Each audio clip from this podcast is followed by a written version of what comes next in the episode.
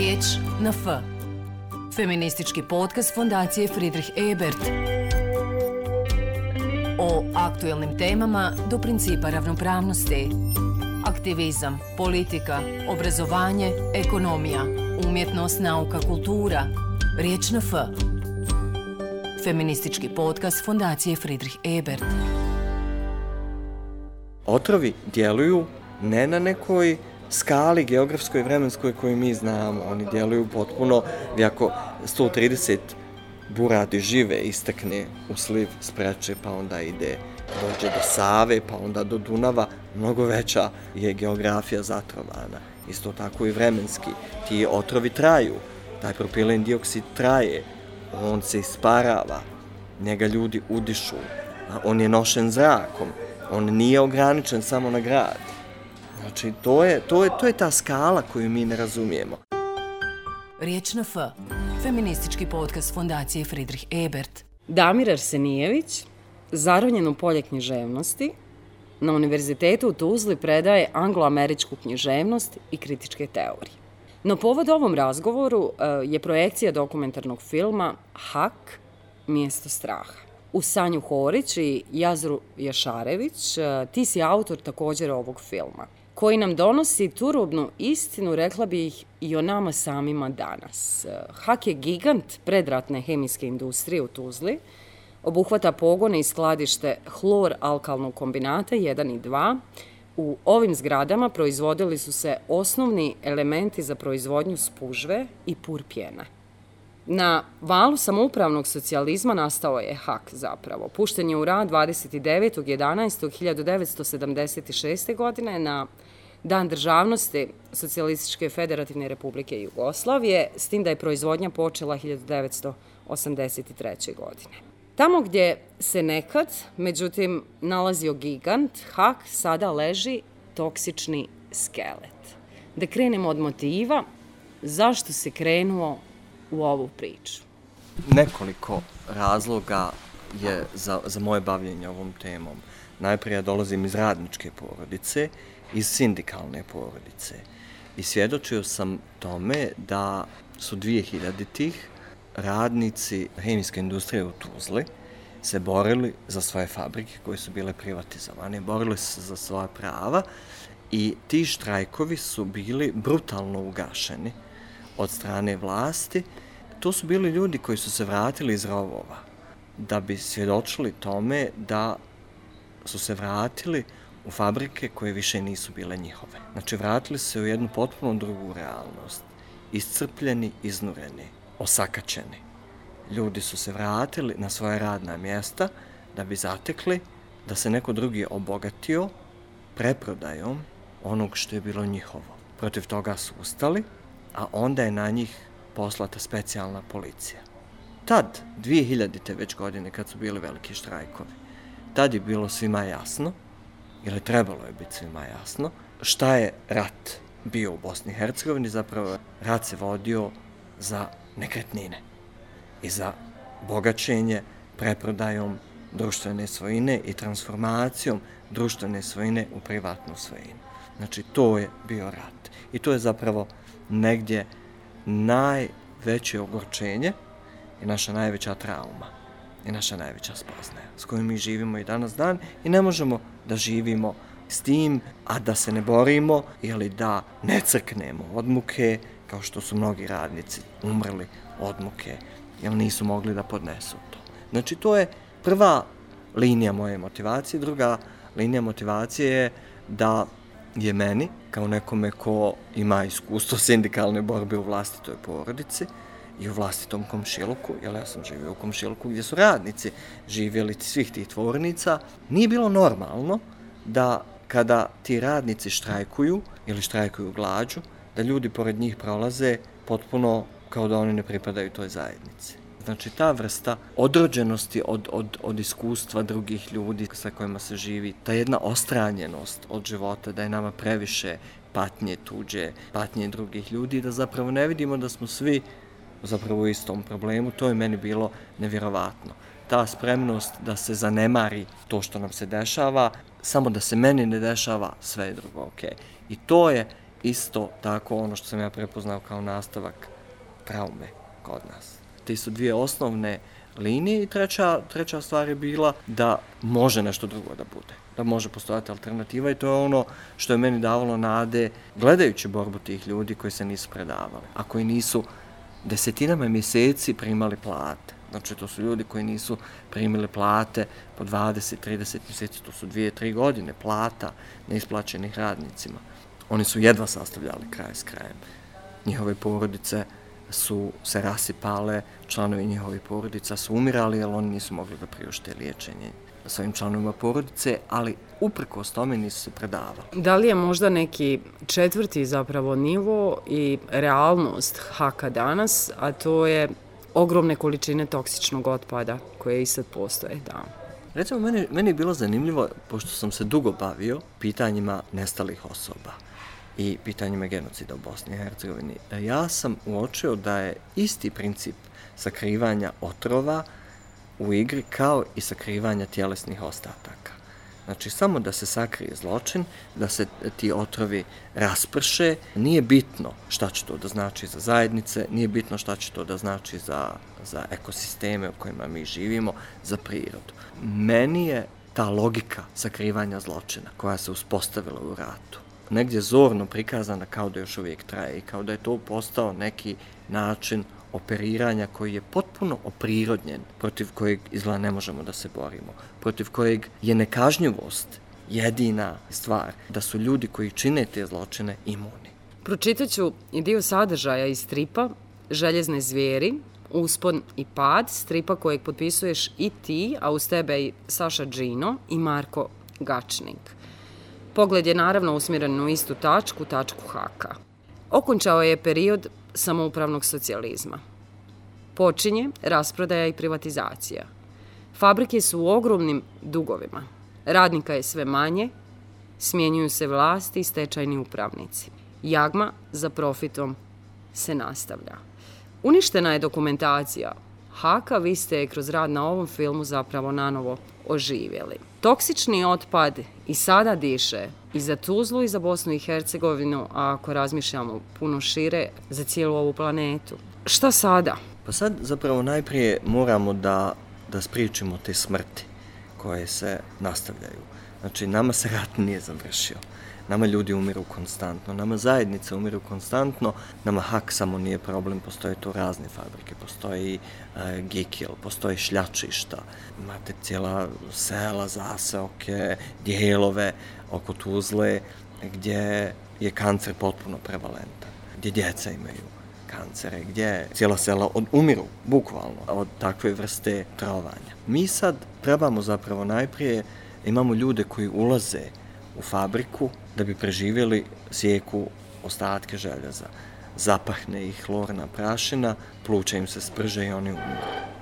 Znači, nama se to dešava svakodnevno. Da bi ljudi preživjeli, njihovi životi su potpuno obezvriđeni i pojeftinjeni. Oni se mogu žrtvovati. Isto tako, napravljene su zone žrtvovanja, gdje je sasvim normalno da čitava jedna populacija umre zato što je otrovana. Znači, logika žrtvovanja je uspostavljena i ona se održava. Znači, to su zone isključenosti gdje život ne može da se održi, gdje priroda ne može da održi život, gdje su rijeke zatrovane, gdje je zemlja zatrovana.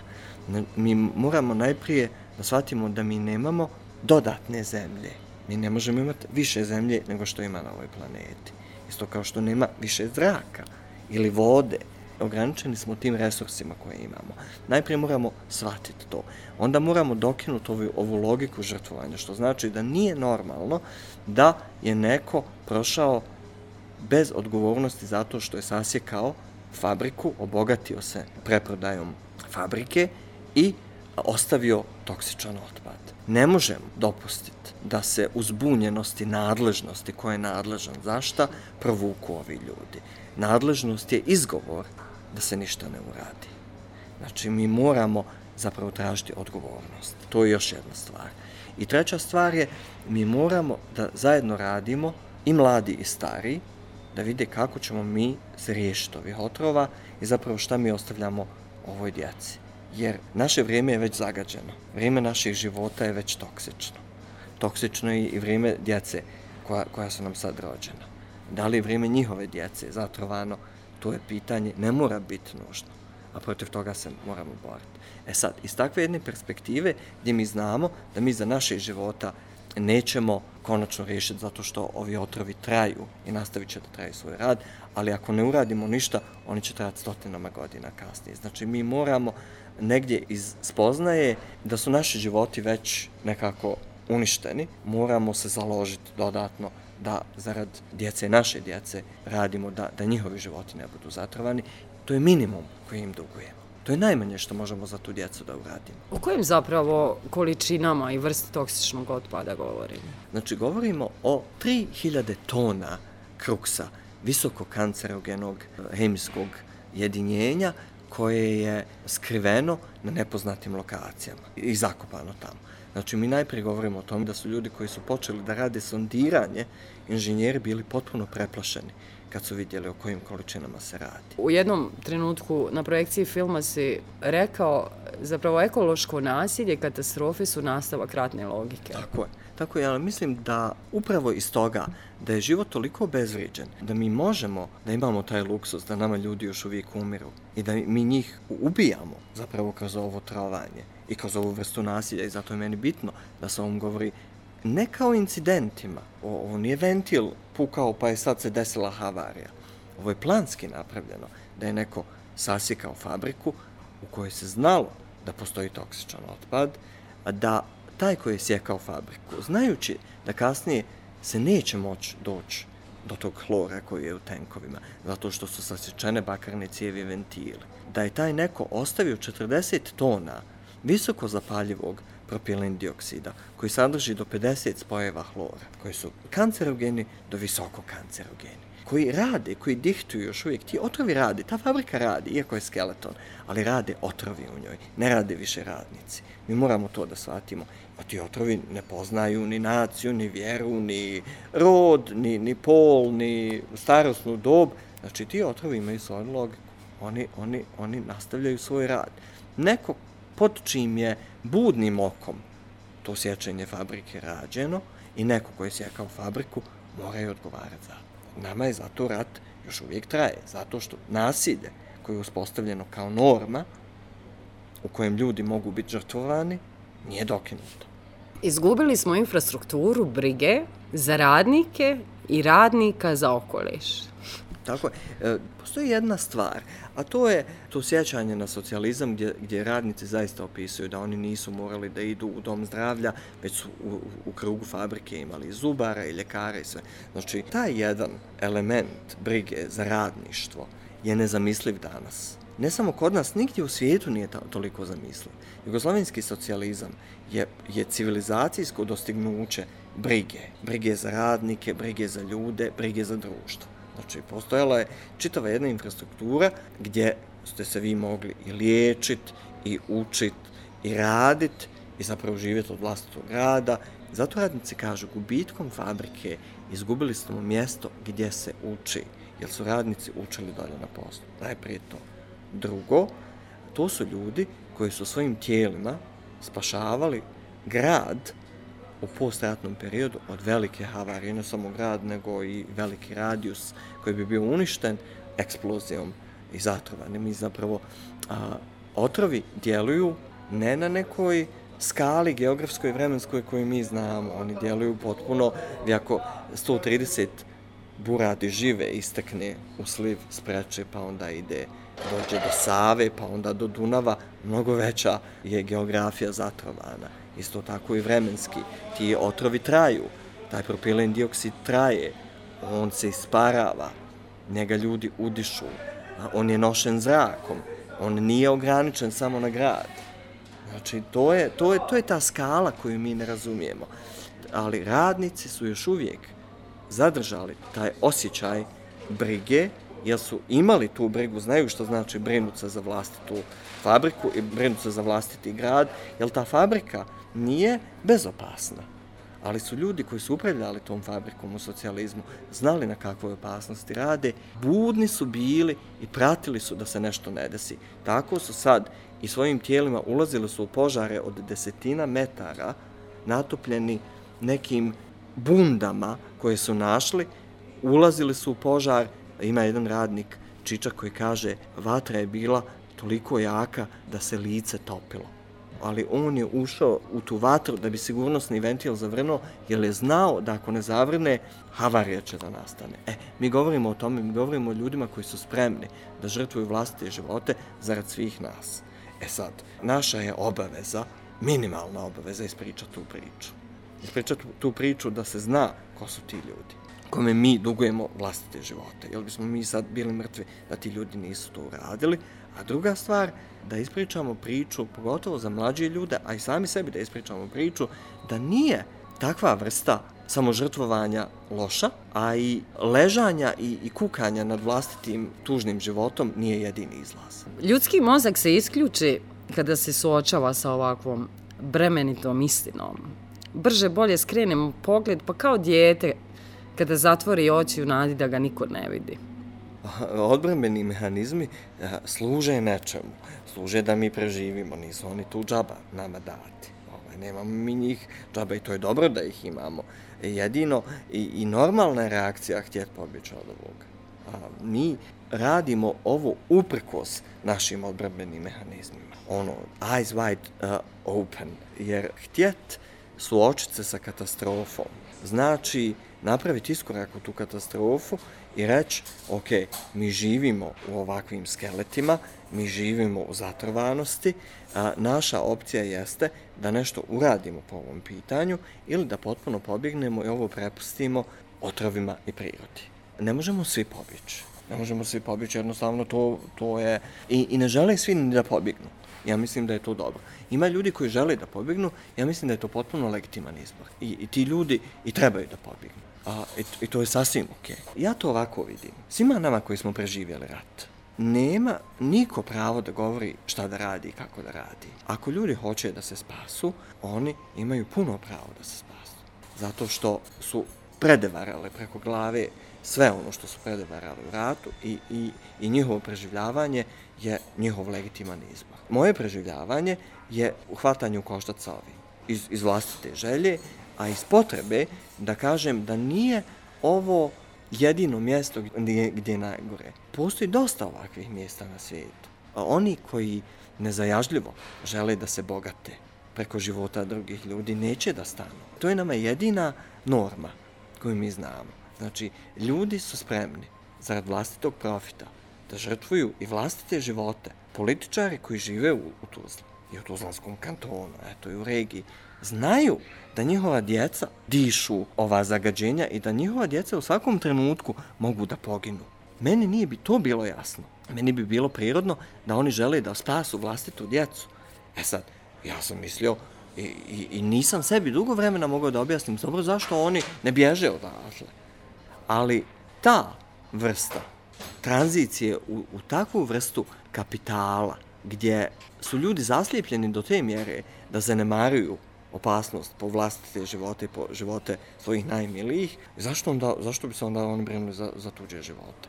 To je nama norma. E sad, djelovanje je i moguće i postoji pokušaj da se nešto uradi po ovom pitanju. Najprije moramo da znamo s kojom količinom otpada se nosimo. Pošto je dokumentacija uništena, mi smo sa radnicima pokušali najprije da utvrdimo gdje su sve skrivani ti otrovi. Imamo radnike koji su kad su došli privatnici poljske organike i sestrinske firme Organika BH, koja je u, u zaštiti naših tajkuna, oni su neutralisali naj, najgore otrove.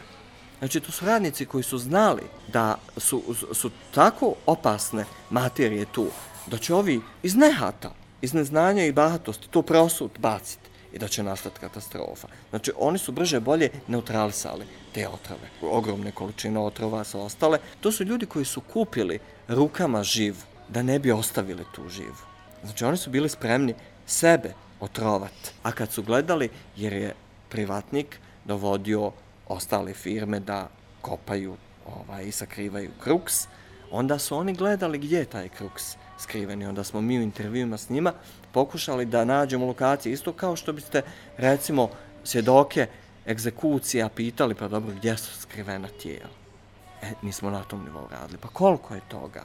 Mi moramo, znači, najprije napraviti spisak toga čega ima i kako neutralstvo. To nije nemoguće uraditi. Ali trebamo zapravo prvo da znamo s čim se nosimo da bismo mogli raditi. Postoje procedure. Evo, živa iz, sa pomišan zemlju se pretvori u elementarnu živu u gorionicima, hlor se istoči i tako dalje i tako dalje. Postoje procesi. Znači, nije to nužno da mi sad dignemo ruke od toga i da kažemo ništa se ne može raditi, To, to je laž. I upravo i film i strip govore o tome da je, da je laž da, da se ništa ne može uraditi. Osim što si teoretičar književnosti, ti si zaronio i u polje psihoanalize. Različiti su putevi dolaska do istog. Šta je to isto? Treba nam svjetla malo. Osim toga je da zapravo jest moguće stvari mijenjati.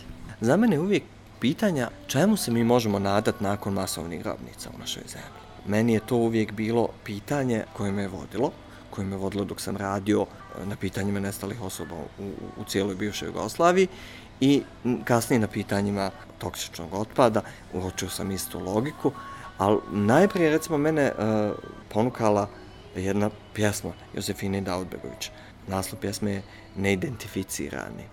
I sad, uh, da ne prepričavam pjesmu, Josefina Daudbegović kaže kao u zajedničkoj grobnici svako je umro od vlastite smrti, navodno ljubav za istu stvar, šta radi njegova čeona kost pored njegove bedrene i od čega će se dotični sastaviti kada dođe dan ustajanja. I Josefina Dagodbegović kaže u toj pjesmi, posebno je pitanje od čega ćemo se mi sastaviti ako se ponovo odlučimo voditi. E sad, meni je to pitanje tako upečatljivo ostalo, ko smo to mi? Šta je zajednica? Bosna i Hercegovina je jedna velika masovna grobnica izvana i iznutra.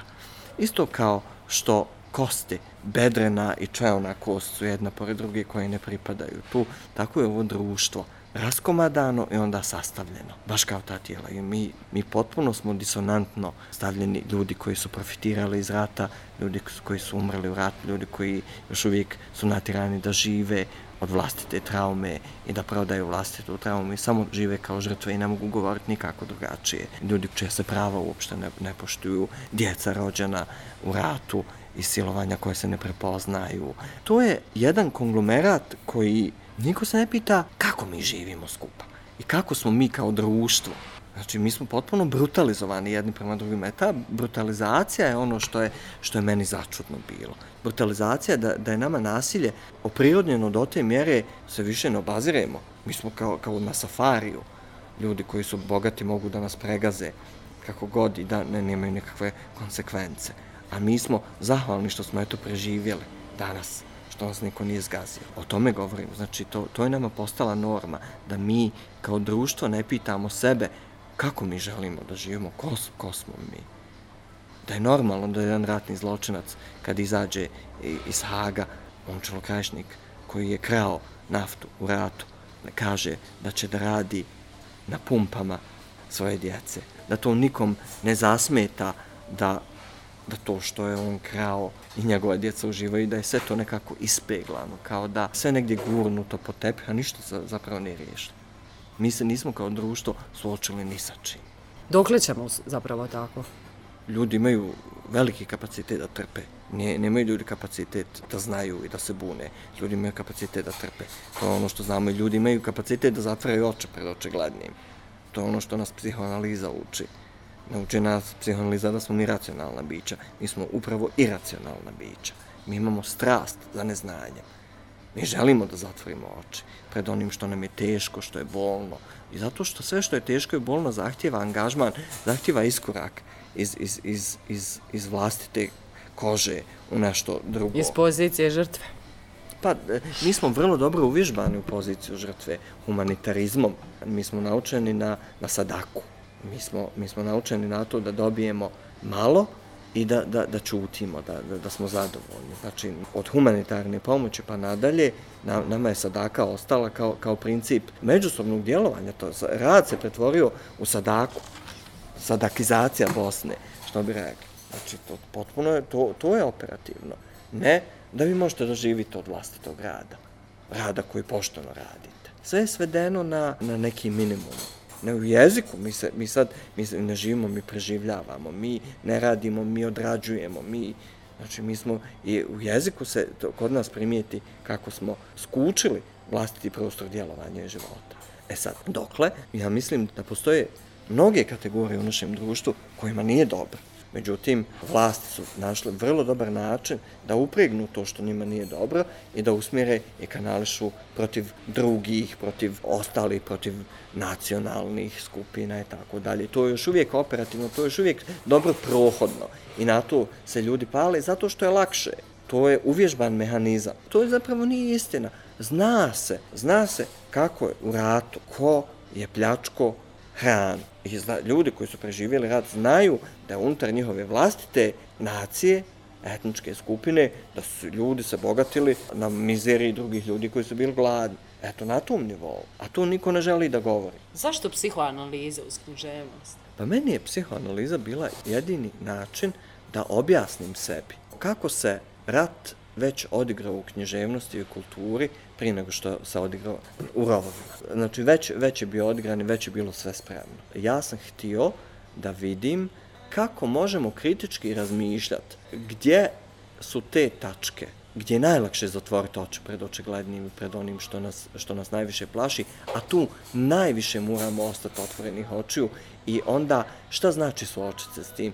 A to nije toliko strašno, jer mi sebi zapravo stvorimo najveću fantaziju da su neke stvari toliko strašne i da ne može ništa se drugačije napraviti. Zato je život ovakav u Bosni i Hercegovini kakav jeste, zato što smo dobro uvježbani u fantaziju da, da nema alternative. A to je naša fantazija koju, koju, u kojoj i mi doprinosimo. Nismo mi, i još jedna stvar, psihoanaliza nas uči da mi nismo nevini u svemu tome. Ne postoji neko ko je koruptivan, koji je došao nas nevini da prevari i mi smo tako eto ušli u to i ne znam, u neznanju. Što bi. Najlakše bi bilo to u neznanju. Ne, nego šta mi već znamo, a pred čim želimo da zatvorimo oči, a to je naš vlastiti svakodnevni pristanak na određene stvari. To je užasno bolno. Užasno bolno reći da, da sam ja odgovoran i da, da, da sam ja u službi određenih privatizacijskih načina ponašanja, matrica, ponašanja, da sam ja prenosnik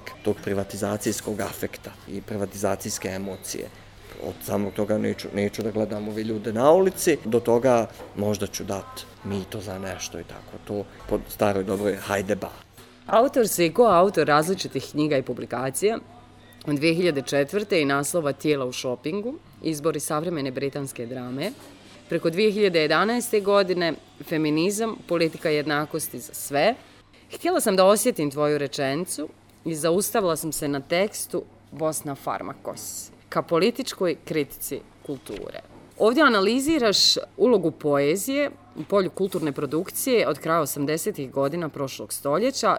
Rad je zapravo usmjeren protiv onih koji uistinu vjeruju da je etnonacionalni model jedina realnost današnje Bosne i Hercegovine.